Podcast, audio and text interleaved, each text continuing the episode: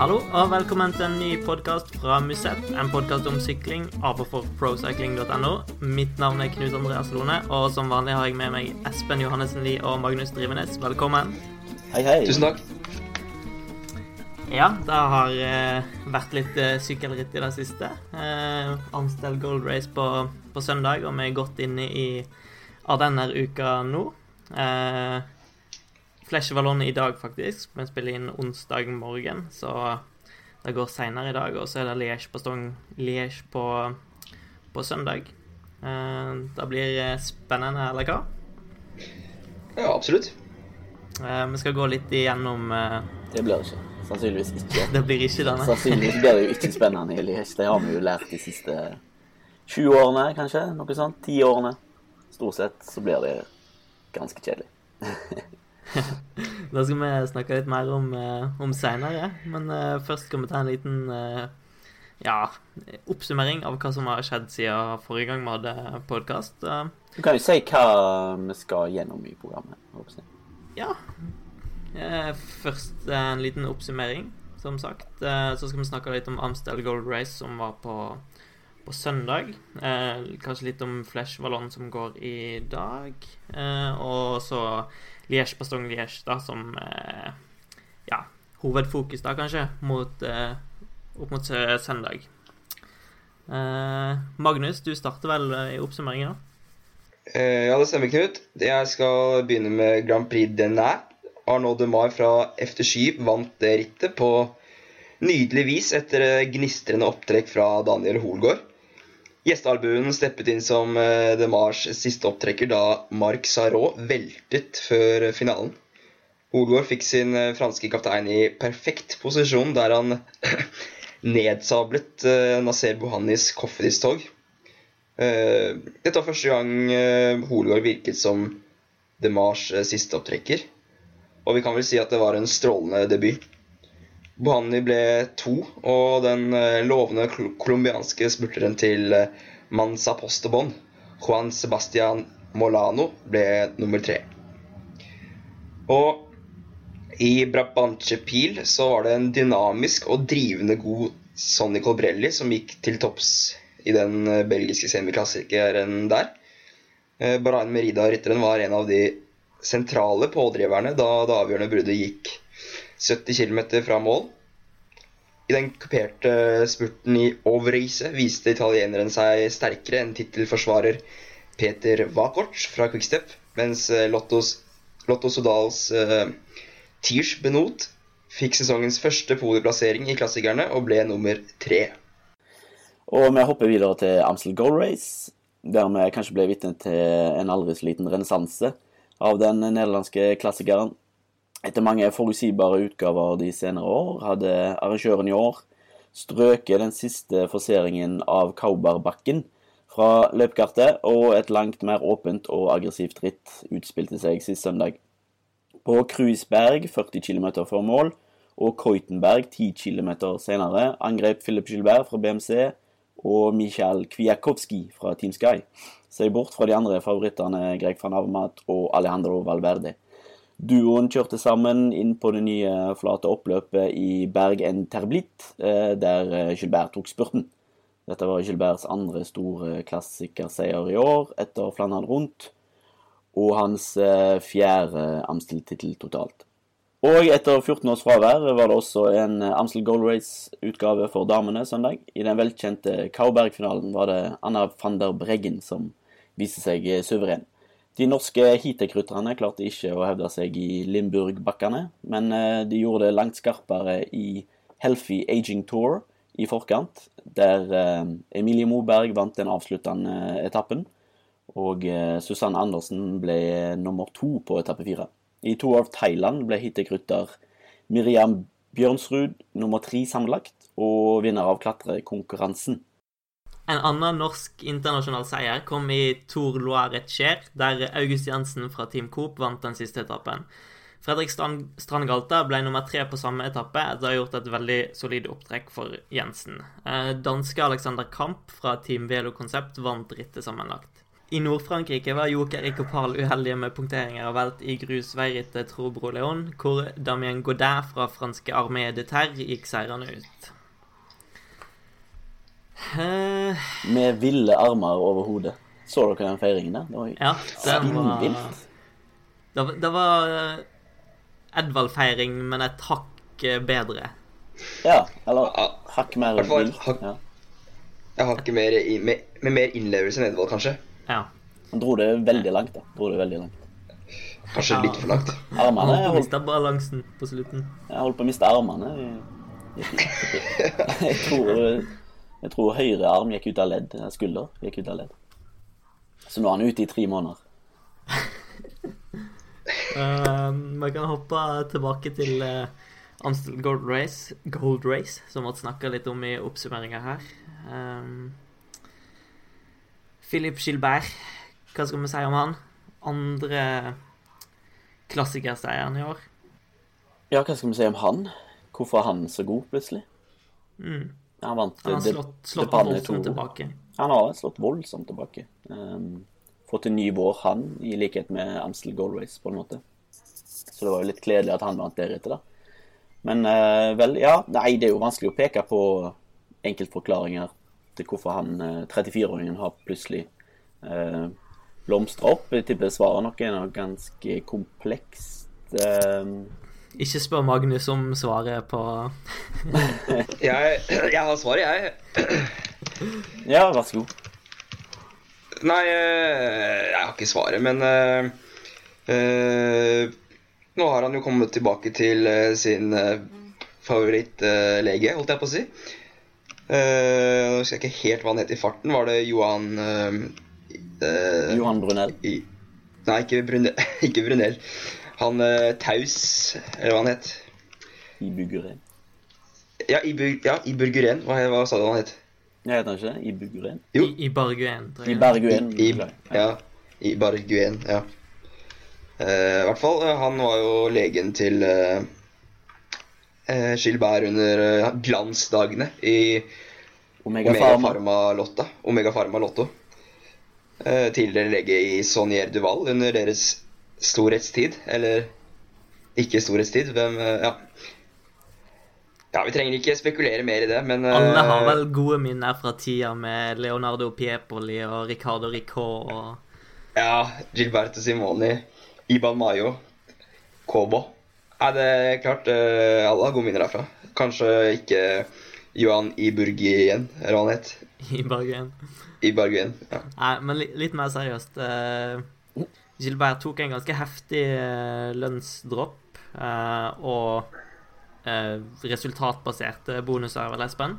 Ja, ja, det, vi snakka vel så vidt om det forrige gang, egentlig. I forbindelse med Edvald Boasen Hagen nå, da, i den sammenheng. Men, men også mye er vel blitt sagt om om Gilberts personlige relasjon til Greg van Avermaet eh, da de to var i BMC sammen, og de var vel sammen i Omega Pharma òg. Eh, I BMC der det i hele tatt var veldig mange om beinet, da, med tanke på med tanke på lederrolle. Eh, Tor Husov og Alessandro Ballan var vel også der på et tidspunkt. Men eh, relasjonen til van Avermaet var vel aldri særlig kameratslig. Um, Gilbert har vel aldri uttalt at han har noe problem med van Avermaet, men eh, jeg tror van Avermaet Men han tror faktisk van Avermaet følte seg litt sånn eh, trua da, av hans eh, eh, rolle i laget. Samtidig så har det vært veldig sånn dårlig stemning mellom fansen til de to rytterne. Gilbert eh, nevnte det i et intervju tidligere i vår, eh, før Flandern rundt, at eh, han som regel får mye tyn og ukvemsord slengt etter seg eh, fra fansen til eh, van Armat og vice versa.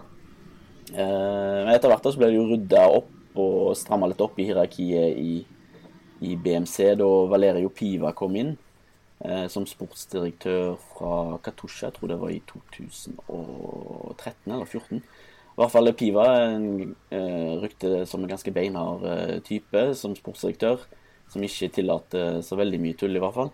Og det var da rittprogrammene til disse to ble delt opp, og det ble litt strukturert bedre, og Gilberts fokus ble retta eksklusivt da, mot Ardenne. Så men samtidig så var ønsket hans alltid å liksom vinne de rittene han ikke hadde vunnet. da, eh, Deriblant Flandern. Så jeg tipper motivasjonen hans sånn sett ikke var veldig på topp, i og med at han hadde en ganske lang og lukrativ avtale i tillegg. Høy lønn og eh, lang avtale er ofte en dårlig kombinasjon i sykkelsporten, har det vist seg. da. Men eh, i Quickstep da, så virker jo han har funnet motivasjonen tilbake. Han nevnte etter Flandern-seieren at han har hatt en prikkfri vinter for første gang på lenge og trent ekstra hardt. Og igjen, altså mye av dette kommer fordi han får satsa på de flamske klassikerne som han egentlig virkelig har uh, savna å kjøre da, de siste sesongene. Uh, han har ikke kjørt Flandern rundt siden 2012, ja, og det er vel eneste gangen han har kjørt i den, i den nye løypa, da, som, som sier. Og da, og da, var han vel egentlig syk. sånn han kjørte vel, Jeg vet ikke om han fullførte eller hva han gjorde. men... Jeg tror han ble nummer 70-80 eller noe sånt. Ja, ok. Ja, ja. Så det er jo en stor del av grunnen, tror jeg. da, og Det er heller ikke uventa at han har funnet seg fint rett i Quickstep. Det er jo en gjeng han kjenner, kjenner veldig bra, egentlig. Og det er ofte sånn når han var i BMC, så var det ofte sagt at han hadde egentlig bedre forhold til rutterne i, i Quickstep han hadde til, til, gjengen i BMC. Og jeg tror faktisk han sykla i juniorrekkene med sønnen til, til Patrick Lefebvre. uh, i sin tid. Uh, altså Lefebvre er sjefen og eieren av Quickstep.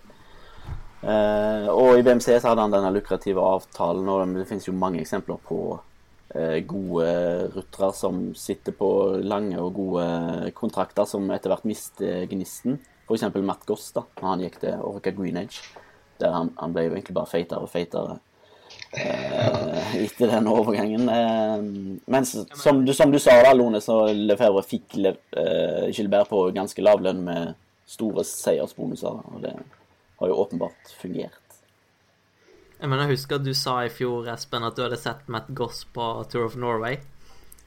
At han var ganske fin eh, Fine former på det. Ja, veldig formelig og flott. Han la, vel, han, la, han la vel opp etter den sesongen. Ja.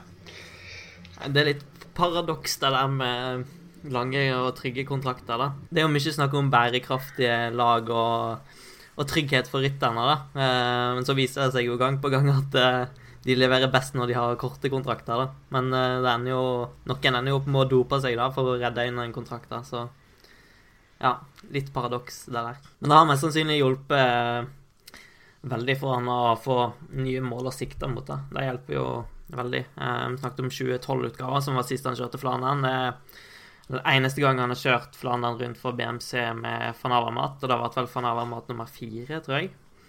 Uh, nå vant jo van Avermaet Paris-Roubaix, så BMC fikk jo endelig sin store klassiker, monumentseier. Uh, det er litt gøy at første året Gilbert er borte fra BMC, så henter han inn en stor monumentseier, da. Um, nå spørs det jo om han ikke kanskje jakter videre på de to monumentene han uh, mangler. Sanremo og Robé. Er det realistisk at han kan vinne, klare å vinne alle fem, Magnus? Altså, sånn som han kjørte i Flandern rundt, så uh, ble jeg nesten litt provosert av at han droppet uh, Paris-Robé. Uh, for der mener jeg han hadde absolutt hatt uh, gode sjanser for uh, å hevde seg helt i toppen. Sånn, altså, sånn, han kjørte jo helt enormt i Flandern rundt, og ja. Jeg tror ikke Altså, det er så mye som kan skje i Paris-Roubais, og jeg tror Gilbert er typen til å ja, sitte på rett sted til rett tid. Så lenge han unngår uhell, så kan han uh, fort finne på å sitte med i en finale der. Og uh, er det en som kan utspille finaler, og så er det jo Filip Skilberg. Hadde vært gøy, gøy å se om han kunne utmanøvrert uh, van Avermaet på noe vis.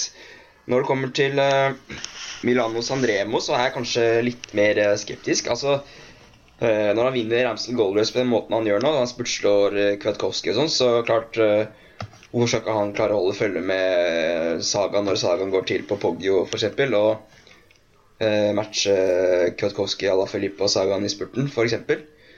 Eh, men eh, for å være helt ærlig så er jeg litt skeptisk til hvordan han skal klare å eh, å vinne dette Sanremo-rittet.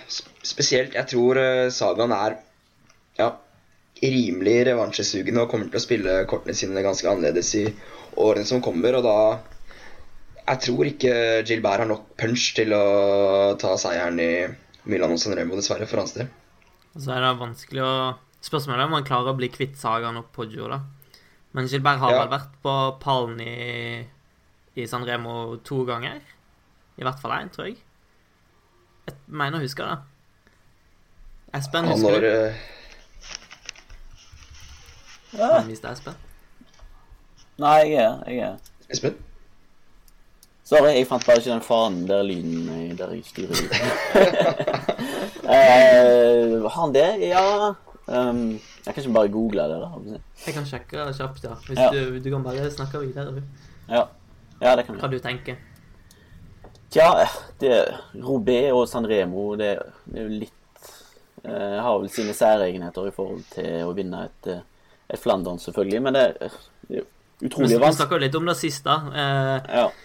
sånn typer som bånd som bare flyter over brosteiner. Mm. Eh, jeg vet ikke om flat brostein passer Gilbert så bra. Han er jo veldig bakkete fyr, da, for å si det sånn. ja, han er veldig eh, sånn. Ja, det, det kan du godt si. Uh, Ja, jeg har forstått en ganske kraftig rytter, da. Er ikke det? det er jo altså 2000 eh, 2008, tredjeplass. Um, mm, I San Remo, ja. Ja. Jeg tror nok Gilbert klarer å spesialisere oppkjøringen sin da, og forberedelsene sine nok da, til å kunne komme inn rekkevidde eh, mot en eh, Robé-seier. Han, eh, I og med at når du ser på merittlisten hans eh, eh, nå, så har han jo vunnet et eh, ganske eklektisk eh, miks av forskjellige, av forskjellige ritt. Han er jo en av de få som på en måte har klart å vunne Flandern og um, Liège-Baston-Liège uh, i, uh, i sin karriere. I moderne tid er jo det uhyre sjeldent. Jeg tror faktisk uh, bare det er sånn tre-fire eh, eh, ryttere som har gjort det samme. Og det var jo egentlig det han sa etter, etter Flandern-seieren. da. Seieren han er mest stolt over, eh, er eh, borti, sett bort ifra VM-seieren i Falkenburg, som han ser på sin beste, faktisk. Jeg syns det var litt overraskende. Eh, jeg hadde egentlig trodd at han skulle si seieren i Flandern, men eh, han trakk fram den. Eh, mest fordi han leverte som storfavoritt. Alle forventa at han skulle vinne, og, og det klarte han faktisk. Eh, det var jo i Falkenburg, eh, i løypa Amstel Gold Race. Eh, men han nevnte også han er veldig stolt over å ha vunnet både Liège og Flandern. To ritt som ifølge han da er, krever veldig ulik eh, oppkjøring og forberedelser med tanke på trening og taktikk og i hele tatt innstilling. Um, uh, det er faktisk bare Merx som har klart å vinne disse to rittene i samme sesong. da. Nå gjorde ikke, uh, nå gjorde ikke uh, Gilbert det. Men historisk sett så er det veldig sjeldent at samme rytter vinner disse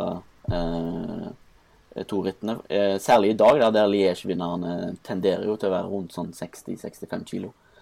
Veldig lette. Og, i hov og hovedgrunnen for det er jo skillet mellom de flamske rittene og denne rittene har liksom vokst seg større da, i takt med økt eh, spesialisering, egentlig. Men han har jo vunnet mye forskjellig. Altså, han har vunnet Paris Tour, som er jo sånn spurterklassiker. Han har vunnet rimelig hard fjelletappe i Giro d'Italia. Han har vunnet Giro, Giro di Lombardia, VM, som sagt. Så han er vel på mange måter den mest komplette rutterne i sin generasjon. Uh, og hvis han skikkelig fokuserer på Robé og San Remo nå, så, og, det, og det er jo de to uh, monumentene han ikke har vunnet, så tror nok det er absolutt innen rekkevidde. Det bør det være. Eh, jeg tar det kjapt. Han har tredjeplass i 2008, når Cancellara vant, og tredjeplass når eh, vår venn Matt Goss vant. Hvorfor venn? Fr Friends of the podcast. Friends of the podcast. Nei, altså, hvis Skilberg kom i en mindre gruppe à la det Sagan og Kwiatkowski og Ala Filip gjorde i år, eller eh, Cancellara eh, Jarens vel og Nibali gjorde for et par år siden, så, så er han jo i stand til å vinne en sånn spurt.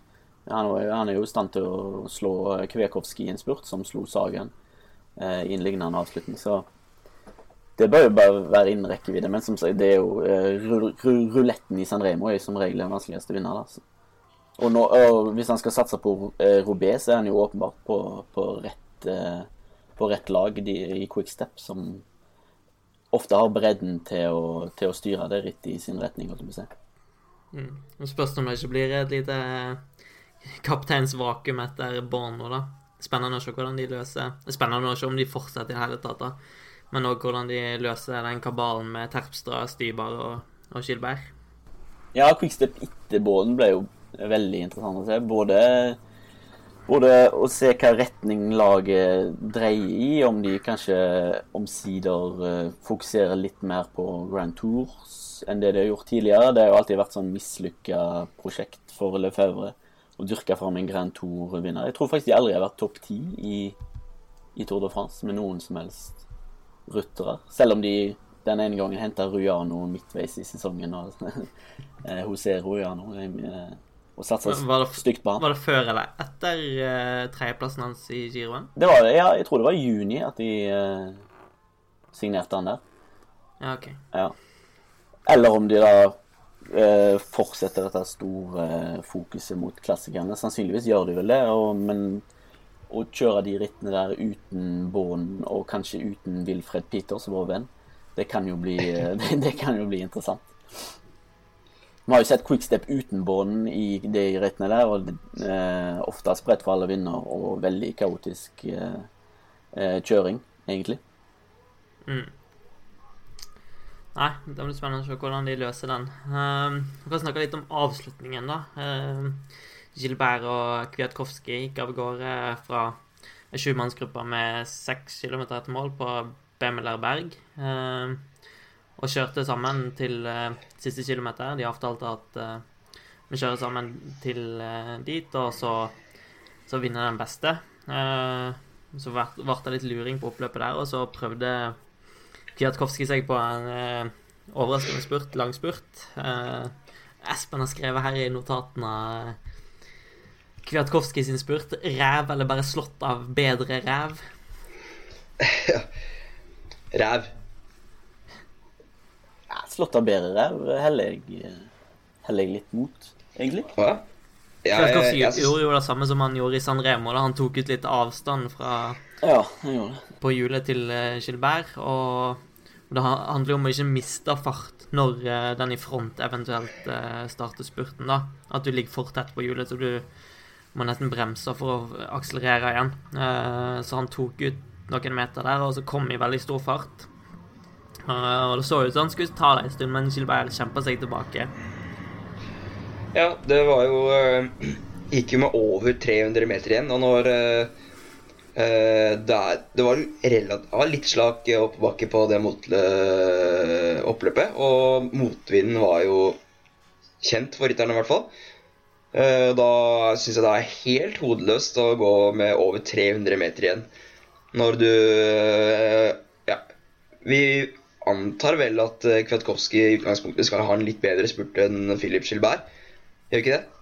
Jo. Jeg syns i hvert fall det var helt eh, ja, veldig merkelig beslutning. Vi så jo også i Var det etere Harelbekk i fjor, da han og Sagan kom sammen til mål og Kwiatkowski slo Sagan i spurten? Da også kom han eh, eh, bakfra og overrasket eh, Sagan litt, men denne gangen her funket det ikke i det hele tatt. Jeg tror det er pga.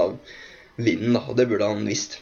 Ja, jeg tror han overvurderte egne evner litt. Litt høy på pæra etter å ha slått Sagan ved to anledninger, kanskje. Ja, mulig litt sliten. Han så ganske eh, sluttkjørt ut da, eh, når han kom inn på oppløpet der. Eh, ja, du kjørte Ja, de angrep vel først med 30 km igjen, da, så eh, mye Sikkert en god del mer sliten enn han var i Milano San Remo, for eksempel. Jeg tror det Kwiatkowski prøvde på, var på en måte en blanding mellom det han gjorde mot Sagan i San Remo i år, og det han gjorde mot eh, Sagan i E3 Haraldbekk i fjor. Du nevnte det, Lone, at han tok ut litt avstand til bakhjulet hans. Og det, det forklarte han ganske møysommelig etterpå, eh, etterpå seieren i San Remo. da. Det han gjør der, er liksom at han, han, eh, han åpner litt og luker, sånn at når Sagan skal snu seg, da, så skal han reagere instinktivt eh, med å se denne luka, og da dermed åpne spurten først. Han skal på en måte liksom lure han inn i å, å, å åpne spurten først. Eh, og det er et sånt triks Kwiatkowski sa at han lærte på banesykling eh, hjemme i Polen en eller annen gang. Selvfølgelig er det imponerende at han holdt hodet såpass kaldt i eh, San Remo, da, som er jo en ganske frenetisk avslutning. På søndag så prøvde han jo tydelig på det samme trikset med, med Gilbert, men Gilbert er også en ganske sånn slu type. da. Eh, holdt seg mye roligere enn det Kwiatkowski gjorde. Eh, og England nekta egentlig å åpne den spurten eh, først. da. Og Jeg tror det var det som gjorde at Kwiatkowski bestemte seg heller for å kjøre den overraskelsesstrategien, sånn som han gjorde i E3 f.eks. Mot, mot Sagaen. Men åpenbart at han ja, beregnet vinden litt dårlig. Ja, og når du ser spurten også, så går Kwiatkowski mens Gilbert ser fremover. For Gilbert snur seg jo støtt og stadig, men uh, Kwiatkowski går når Gilbert ikke har oppmerksomheten på Kwiatkowski. Og da reagerer egentlig ikke Gilbert før Kwiatkowski er oppe på siden. Og da har jo Kwiatkowski ganske mye høyere fart. Men, så, det er på en måte noe som kunne talt til Kwiatkowskis fordel. Men det, var, det, er nok denne vinden da, som gjør at Gilbert er i stand til å komme opp på, på bakhjulet og ganske lett forbi. da. Mm. Eh, hvis han hadde venta 100 meter, så hadde han garantert holdt inn. Og det var egentlig ikke noe i veien for å vente 100 meter heller. For han hadde jo eh, noen meter opp til Skilberg, og jeg tror ikke Skilberg ville klart å få han rundt heller. Så Nei. litt dårlig dømmekraft der. Litt som med Nasen i uh, uh, E3, ja. Men uansett, Kwiatkowski ser veldig lovende ut uh, foran Liège-Baston Liège. Altså, det skal bli interessant å se han i Flesh Vallon i dag òg. Jeg syns han så veldig lett ut i tråkket da han gikk opp til gikk opp til Gilbert. Og Valverde f.eks. ikke hadde en sjanse til å følge. Det var et godt tegn. Ja, det, var, det er en litt Morde Hui-lignende bakke den han angrep fra van og Valverde og Filine i. Veldig, det var den bratteste bakken her på slutten. Ja. Koitenberg. Koitenberg, jo. Ja. Uh, apropos, uh, de hadde jo endra løypa i år. Uh, siste gang opp Kauberg kom med 15 km etter mål. Så var det ei lita rundløype der eh, med bl.a. BM Lerberg, som der Gilbert og Kwiatkowski støta fra. Eh, det ble en mye mer åpen utgave enn tidligere anledninger. Ja, utvilsomt. Ja. ja. ja. Ja, det ble absolutt en mer åpen utgave. Og det, det, det ble jo litt interessant, for at uh, med den uh, avslutningen som var, så kunne man kanskje tenke seg at det i større grad enn tidligere ville bli et ritt for ryttere som uh, Michael Matches, Bria Kokar og Sonny Colbrelli. Men da får vi en ganske spennende slags duell da, mellom de antatt klassikerrytterne og de som er ja, spurtere, altså som Colbrelli, Matches osv. Men man, det viser seg også i dette rittet da, at uh, lagene er ikke sterke nok til å kjøre inn uh, sånne favorittgrupper som går. Man så jo at uh, Giant de har jo på en måte omtrent ingen ryttere igjen for å hjelpe Matches. Sammen med Bahrain, sammen med Direct Energy, ikke sant. Og BMC, ikke minst.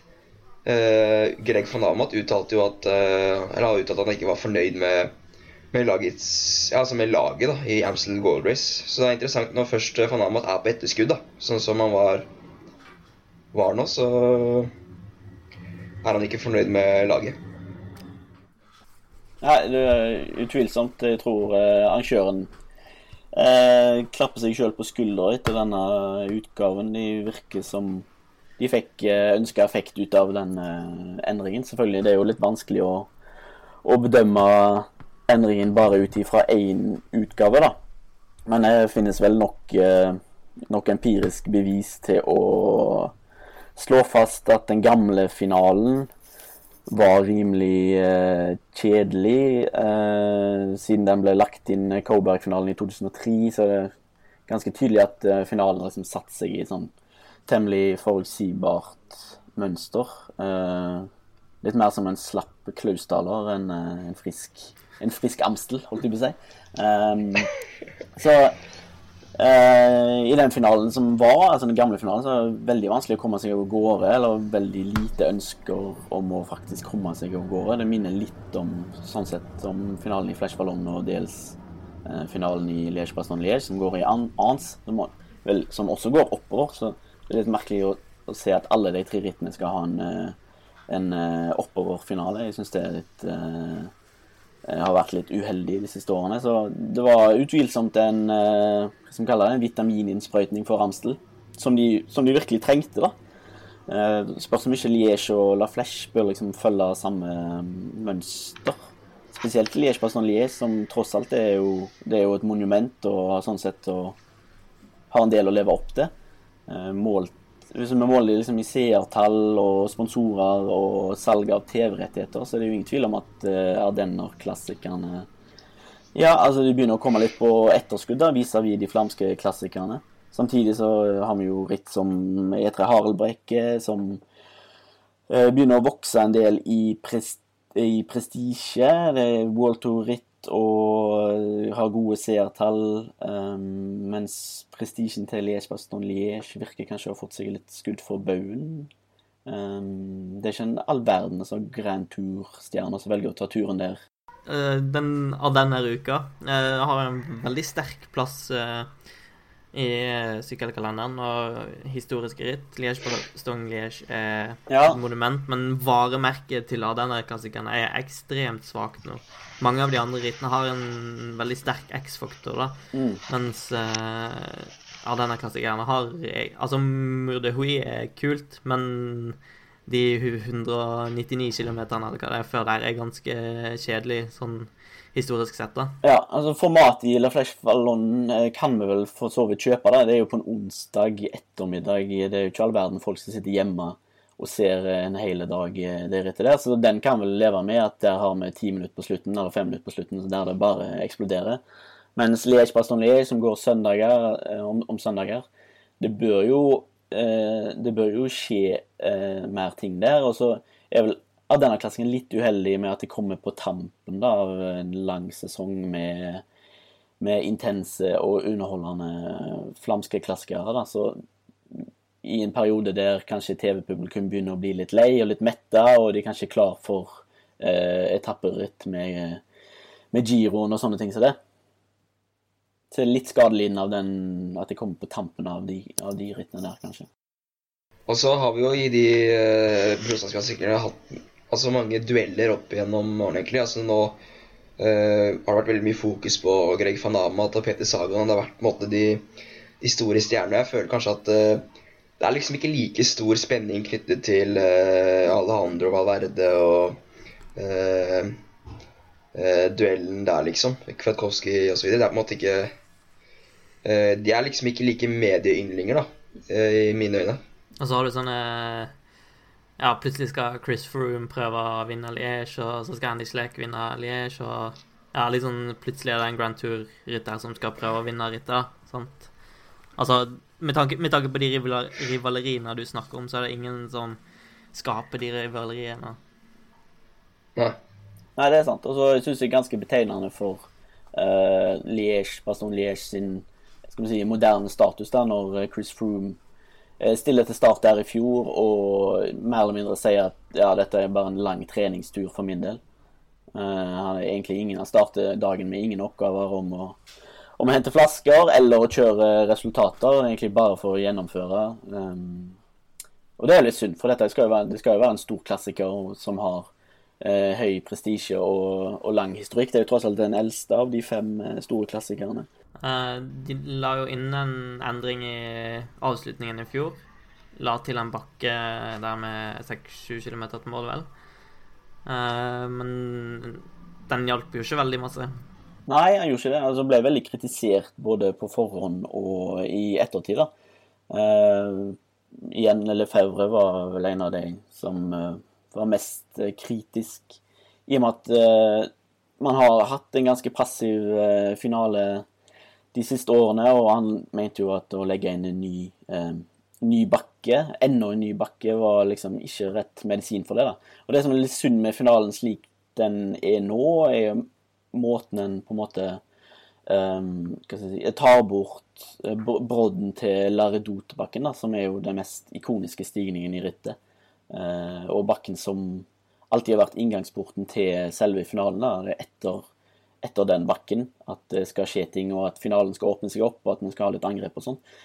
Eh, på Laredot nå, de siste sesongene, så har, har det blitt kjørt ganske konservativt i den delen av løypa, og man ser vel sjelden store angrep der. Det er som regel grupper på 50-60 ryttere som går over eh, Laredot, faktisk. Og lags, eh, lagene som Movistar og Team Sky de har egentlig ganske få problemer med å styre, eh, styre rittet etter den bakken her. Så det, det er kanskje ryttere uten store doser er på, da. De har, har liksom ikke helt troen på eh, å angripe, angripe før de aller siste bakkene.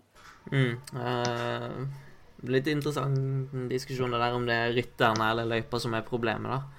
Uh, Flandern er jo ganske hardt eh, lenge på slutten der, men da sprakk opp eh, 95 km til mål opp eh, murkap eller mur eh, likevel, så ja. Jeg, jeg, jeg vet ikke helt om lø løsninga er å endre løypa, eller om det er rytterne som må prøve mer, da. Ja, nei, jeg tror Ja, altså Jeg tror etter at finalen ble flytta ut av uh, Liège, eh, begynnelsen av 90-tallet, i 93 eller 94, og man fikk oppløpet på Cotte Ans, eh, og senere fikk lagt inn den Sant Nicolas-bakken, um, som ble lagt inn som den nest siste bakken, så virker det som dynamikken har endra seg eh, veldig. Det har blitt mer avventende, blitt veldig konservativt og eh, ganske inneslutta, da. Litt samme som skjedde med Amstel Gold Race etter at eh, de eh, etter de flytta til Kauberg-finalen. Og, det, og i hele tatt en veldig dårlig match da, med det som er med god TV-underholdning. Um, og de siste årene har vi vel veldig sett veldig konservative utgaver. da. Vi har Gilbert sin seier, den var jo kanskje et unntak. eh, Men han gikk med brødrene Slekk. Og Andy Slekk eh, vant i 2009. Den var jo, tror han angrep sånn 25 før mål. Han angrep vel på Redot, du skjønner? Nei, ikke så langt ute. Jeg tror det var Nei, Redot er 40 km før målen. Uh, ja, han angrep med 20 km til mål. Jeg husker ikke hva bakken heter. Uh, men slik rutterne kjører nå, da, og det tror jeg er veldig ja, inspirert av det slake oppløpet i Arns, som er jo rundt 6 alle, alle seirene til Valverde har vel kommet fra en eh, spurt fra, fra uh, en litt større gruppe på oppløpet. Så de, de kjører det veldig eh, slow-mo, på en måte.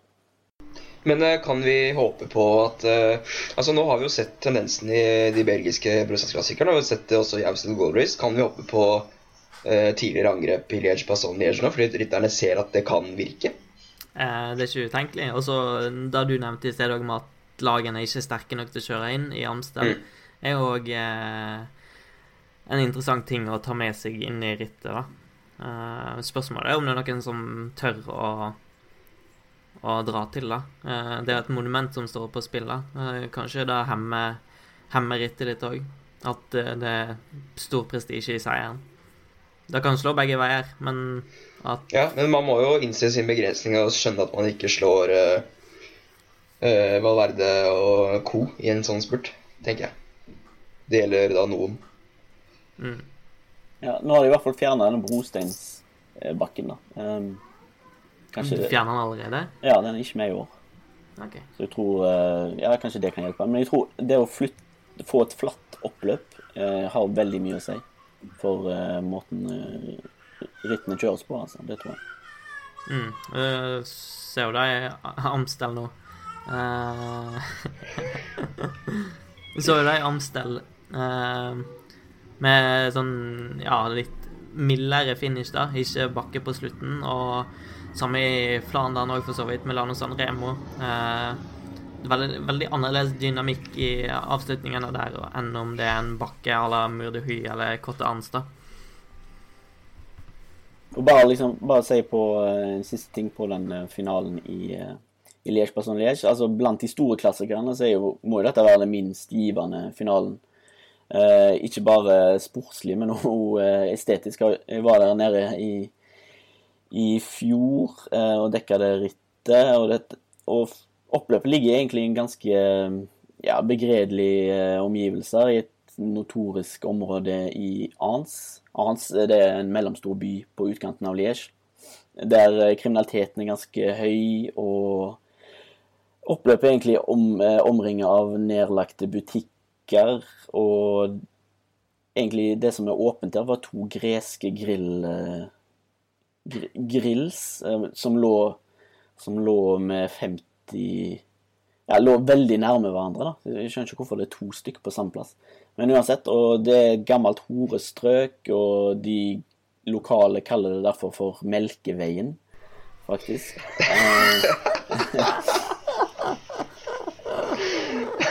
men, eh, men, for Liège Basson Liège-arrangørene altså, så er dette et veldig fint område med tanke på logistikken, først og fremst. Mest pga. en ganske stor parkeringsplass som de bruker ut forbi Eh, en Carrefour, et kjøpesenter, og pressesalen er veldig lett tilgjengelig like ved, og alle har veldig god plass til bilene sine å komme inn og ut og lage noe sånt som det. Eh, så det var vel mye pga. dette da, at ASO valgte å, å, tegne en ny femårsavtale med ANS. Selv om ja, finalen egentlig ikke har levd veldig opp til forventningene. Nå skal de forhandle en ny avtale, ASO, ny avtale etter 2018-utgaven. Så det er jo et håp om at kanskje de kan flytte Eh, finalen eh, til en annen plass. Men Liège vil ikke ha det. Eh, I hvert fall de som styrer kommunen der. Så det ligger vel an til en ny, en ny avtale med Ans, frykter jeg. Store spørsmålet her er jo om Willifred Peters skal til Melkeveien i år. Sannsynligvis. Sannsynligvis. Jeg tror Born sitt afterparty er lagt til Ans.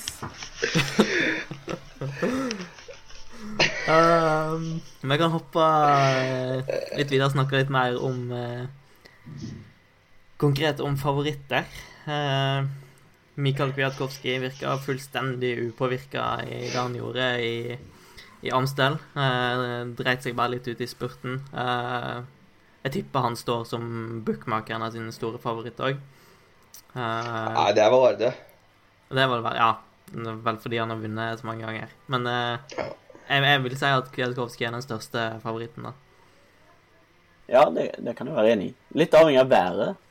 Han er veldig sårbar for kaldt vær og regn, virker det som. Det så vi i fjor. Selv om han var egentlig i dårlig form i utgangspunktet i fjor, da. Vi snakker om Liège på Liège òg, ikke sant? Ja. ja. ja. Eh, men òg eh, Valverde, ja. Det er jo veldig vanskelig å komme utenom han, da. En ekstrem ja. sesonginnledning med Ja, hva er det han har vunnet? Ruta del Sol, Catalonia, Baskeland. Baskeland. Alle rittene foran eh, Alberto Contador. Det er litt spesielt. Um, så han virker jo ganske uslåelig. Og det som er interessant, er jo at denne pangstarten kommer etter 2016-sesongen, der han kjørte alle, alle Grand Tours. Og ble nummer 3, 6 og 12 i Giron, Tour de France og La Vuelta. Han har jo vanvittig mye ritt i beina. Um, og i dag så tar han kanskje sin femte La Flèche-tittel. Sannsynligvis. Sannsynligvis. Det er veldig lave odds på det, i hvert fall. Ja, hva er, hva er oddsen, Drivenes? Ja, 1,85 er det nå på at han vinner eh, La Flèche Vallon. Det kom fort. Det kom fort, ja. Er det spillbart? Da? Ja. Det, er spillbart? Det, det er jeg, jeg, spiller ikke på uh, vinnere under uh, Ja, altså det er veldig dårlig. Jeg spiller ikke på så lav odds. ja, mm. Det må være over 150 for at det skal være spillbart. Albazini har litt, ja, litt lavere odds i år, men uh... Ja, han har 21 i odds i år, så det er jo en synking på ja, det var ikke så god på i prosentregning, men uh, ganske drastisk. Ja, Vesentlig synking der, altså. Ja. ja. ja Albasini er liksom nesten-mann. Uh, det er alltid noe som svikter, egentlig. Om det er giren, eller om det er taktisk bedømmelse, eller, eller noe. Spørsmålet om finalen er hard nok for han, da. Nå når de har fjerna brosteinsbakken. Uh... Ja, nei, men han er vel en uh, ikke helt udugelig mann i i uh, avslutninger også. Ganske eks relativt eksplosiv. Ja, det vil si. Vant ikke han nettopp en uh, etappe i uh, Baskeland? Baskeland. Jo, vant spurt der. Eh, gikk litt tidlig og litt overraskende eh, i en teknisk finale. Men uh, Orica har jo et veldig sterkt lag, da. Stiller med begge Yates-brødrene. Uh, Gerrans og Albasini. Uh, alle er kapable til å levere toppresultater. Ja, men der har vi jo De har vel Kreuziger også, hvis ikke han ble skadet i Jeg vet ikke helt hvordan ståa er med han. Ja. ja, men uansett, da, så har i hvert fall Altså, de Yates De har jo de Yates-spillerne å spille på. Det, vi får håpe at det blir litt action før, før finalen. At de kan animere finalen litt der i, i, på søndag. Brødre-duo-brudd fra Redot. Ja, med, kanskje med Nei, ikke Gilbert, da. Nå er jo han uh, ute. Så da blir det ikke noe uh, slekk reprise. Kutt, i nyren over, da? Ja. Rift. Må Rift. Hvis det er lov å si. Ja.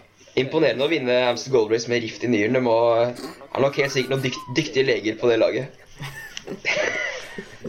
rift i nyren. Men en mann som jeg tror det blir, kan bli interessant å følge med på, da, er Roman Bardet, Ageduer. Jeg tviler på at han jeg tviler på at han kan vinne, da. Selv om finalen bør passe han rimelig greit. Men en podieplass er kanskje innen, innen rekkevidde. Han er Bardet er liksom fin rytter. Han er på mange måter en, en etapperytter med instinktene til en endagsrytter. Uh, en av de som i hvert fall kan tenkes å prøve et uh, uventa angrep. Um, han har veldig solid statistikk da i Liège. Liège. Uh, hvis vi tar med deltakelsen hans i U23-klassen, så har han aldri vært dårligere enn nummer 13. Og han har og da kjørte seks-sju ganger. Så han er kanskje en mann å, å se opp for. En skikkelig Liège-spesialist. Uh, står på Pro Cycling Stats sin uh, start startliste at uh, Greg van Avermet skal kjøre. Stemmer det? Han har vært på listen til Unibet også. Ja. Jeg tror ikke Unibet sine lister er noe man skal gå Nei, nei, nei. Ikke Magnus heller. lever jo etter Unibet sine Nei, det gjør jeg ikke, Knut. Det er, nå lyver du. Nei, men uh, står vel der òg at uh, Sastre kan vinne Tour de France. Jeg har 150, 150 odds på å vinne Tour de France. Jeg er sikkert noen som er idiot nok til å sette på det. da. Ah, ah, Kan nettopp vunnet av Karl Sastre. Men er noen andre vi, vi vil trekke frem. Quickstep med Dan Martin, kanskje? Ja, nå er jo både Gilbert og Eller Philippe? Ja, alle har Filip ute. Så da eh, er det jo bordet dekket for eh, da, Dan Martin, da. Ja. Han vant- vunnet i- før. vant jo i 2013. 2013, ja. Eh, med en løpende panda bak seg. Og har vel også veltet fra en seier i det rittet også. Mm. Mm. Var ikke da han kjørte, han kjørte over en penn i den svingen, eller et eller annet? Og var noe som lå, det det? som i veibanen. der. Bare Dekket bare ble revet av. En kule kulepenn, var det det? Ja, et eller annet. Men ja, eh, i likhet med eh, Quickstep, som må gå for eh, Dan Martin, så må vel eh, Team Sky gå all in for Kwiatkowski, da, siden Wout Pools er ute med kneskade, han òg. Horribel sesong for han, dessverre. Eh, selv om de har Sergio Henao, da, som også så veldig god ut i, i Amstel Gold Race. Kanskje de kan få noe til?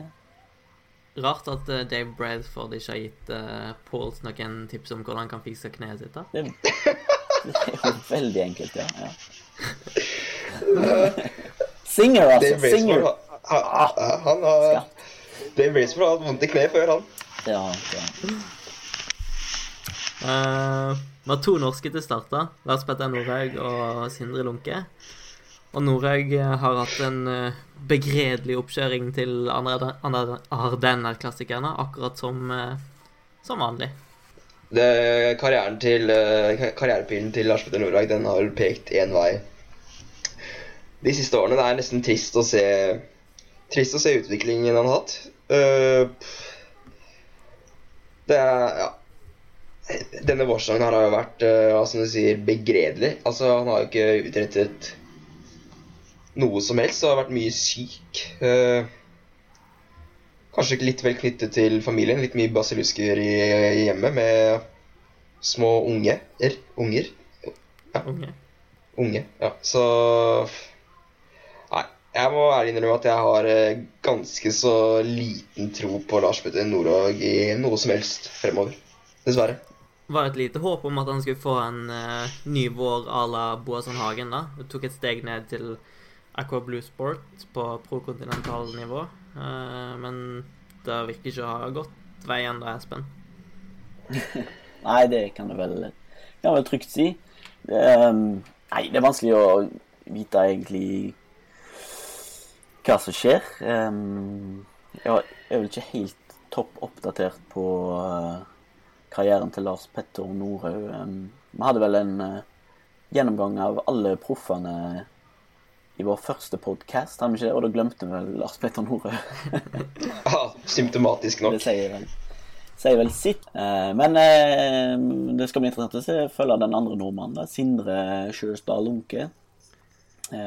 Team Sunweb, som har et veldig sterkt lag da, til start. Bergil Gerske eh, Demolin, blant annet. Jeg syns Lunke har sett veldig frisk ut eh, denne våren.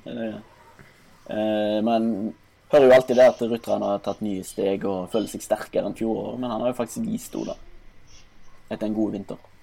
Eh, Vi kan jo høre hva Sindre Lunke sjøl sier foran Flesh Vallon og eh, Liège Person Liège. Jeg snakka med han tirsdag kveld. Eh, fra Maastricht, eh, der laget holdt til dagen før eh, Fleshballon, før de tok turen til start dit nå onsdag morgen. Eh, så kan vi høre litt hva Sindre Lunke sine tanker om de to kommende rittene er. Debut i Flash Fleshballon i morgen. Hvordan ser du for deg at det blir? Nei, Det blir kult, det. det jeg kjørte jo kun, kun i fjor her. Så så det er vel eh, Ja, vi har sykla gjennom uh, siste del av løypa. Det, det, er jo det er et hardt løp og, og, veldig mye kamp om posisjoner. Så er det å være på hele tida som blir, blir tingene for min del. Mm. Så du har fått testa Murde Huida på forhånd? Ja, jeg fikk testa den. Mm, det gjør jeg. Så vi skal opp den uh, tre ganger. Så første gangen kommer jo Det er jo ganske tidlig, da. Så men det er jo mye som kan skje allerede da, egentlig. Så det er en ganske avgjørende bakke. sånn sett. Mm. Uh, Syns du det er et ritt som passer deg?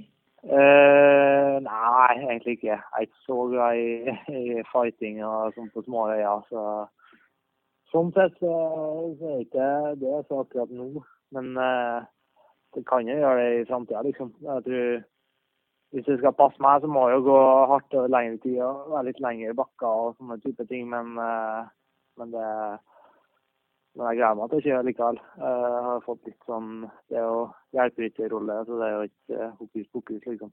Ja. Hva, har du lagt opp noe spesiell taktikk i morgen? Er det bare å vente til siste gang opp mot gitt, basically? Ja, det blir vel. Vi har ganske bra kort i varren der, egentlig. Så prøver å Prøv bare å få han i fin posisjon eh, inn mot der. Så har vi gode kort litt tidligere å spille på, som i Keldermann. da, så vi kan sende av gårde litt tidligere. Så For min del så er det en ganske kjedelig oppgave i starten å ta en del vind. da, Sånn at jeg har meldt, uh, meldt en del vind i morgen. Så det blir en uh, lang dag. Mm. Du gleder deg kanskje litt mer til eh, søndag, da? Et ritt som kanskje passer deg litt bedre? Ja, det er god, god erfaring fra tidligere, i hvert fall eh, fra i fjor. da, når det var litt dårlig vær. Men eh, det likte jeg. da, Ganske fint løp. Så det gleder jeg meg også til. Men eh, jeg merker det blir godt å få i gang rittbeina etter det har vært en liten pause nå, så det blir godt å få dem i gang igjen. Mm. Eh, har du satt noen forventningskrav til deg sjøl på, på, søndag, eller er det hovedsakelig hjelperytterroller du har der? Ja, det er jo hjelperytterrolle når vi har, eh, når vi har eh, Varren der òg. Mm. Når vi har en mann som kan vinne, så går vi all in på han. Eh, så det blir Det er veldig lite, ja, lite muligheter for å gjøre ting sjøl. Vi har jo også eller for, meg, for min del, vi har jo døm og lær kjører også på søndagen, så, så er ganske lost der, sånn sett. Så, men det er jo derfor jeg henta hit, for å, for å gjøre en god hjelperytterrolle, liksom. Så jeg vet at uh, at uh, jeg får sikkert muligheter i senere under løpet. Liksom. Mm. Du sykla jo der i fjor, som du sa. Hva var det viktigste du lærte der, da? Nei, det var egentlig inn mot alle bakkene hvor sykt, hvor sykt tidlig det startet. egentlig. Det ser ut på TV, det ser ut som på TV at det er ganske kontrollert når feltet ligger bredt på bakkene. Men det er jo faen meg kamp om posisjonene hele tida. Selv om det ser kontrollert ut, så går det uh, Hvis det ser rolig ut på TV, så går det iallfall 400 watt liksom opp bakkene. Så det går, uh, det går radig. Ja, I fjor, i fjor gikk det vel ganske jevnt hardt hele dagen omtrent? Ja, det var ganske fint. det. Det var litt dårlig vær og sånn, så det passa bra for min del. da. Så det blir vel å prøve å komme Hvis jeg får mulighet, så har det vært kult å gå bare i tidligbrudd, da. Som har passa meg bra. og så hjulpet, hjulpet litt gutta mot slutten her. Men uh, vi får se hva det blir til Liège. Uh, vi kan se litt fremover hva som, hva som skjer da. Søndag så er det Liège-Baston-Liège både for herrene og damene. Uh, kvinnene har jo fått sin egen uh, Ardenner-trippel nå. Første gang Amstel Gold Race ble sykla søndag, vel. Uh, Flesh Vallon ble sykla for de i fjor òg, og så har de fått Liège-Bastogne-Liège òg nå sammen med herrene. Så det er jo veldig positiv utvikling for de. Norske high-tech products kjører der. Avslutningen skal vel vises på, på TV. Eurosport og TV 2 sender vel. Uh, og så er det Giro del Trentino, også kalt Tour of the Alps, der flere Giro-favoritter er i aksjon. Og så har du Tour of Croatia med Vincenzo Nibali blant annet, og vår eh, norske venn Truls Korseth er òg i aksjon. Eh, både Giro del Trentino og Tour of Croatia går på Eurosport. Eh, og vår kollega i procycling.no, Theis Magelsen, kommenterte der i går i Tour of Croatia. Så det blir spennende å følge hans vei der videre. Eh, du kan selvfølgelig lese alt du trenger om eh, Liège-Bastogne-Liège, Flesh Vallon eh, etc. på procycling.no. Vi har live der på søndag fra Liège-Bastogne-Liège med live-oppdateringer. Og selvfølgelig reaksjoner etter etter. Eh, så håper alle følger med der. Eh, Magnus og Espen, takk. Eh, veldig hyggelig som vanlig. Sjøl takk. Alltid hyggelig. Veldig hyggelig. hyggelig. Så håper vi at du likte det du hørte og vil abonnere på podkasten vår. Det kan du gjøre i Soundcloud eller iTunes. Og legg gjerne igjen en kommentar eller gi oss rating. Og så lik oss på Facebook. Vi setter en podkast om sykling. Så hører du snart fra oss. Ha det bra. Og følg oss på Twitter også. Følg oss på Twitter òg. Ja. ha det bra.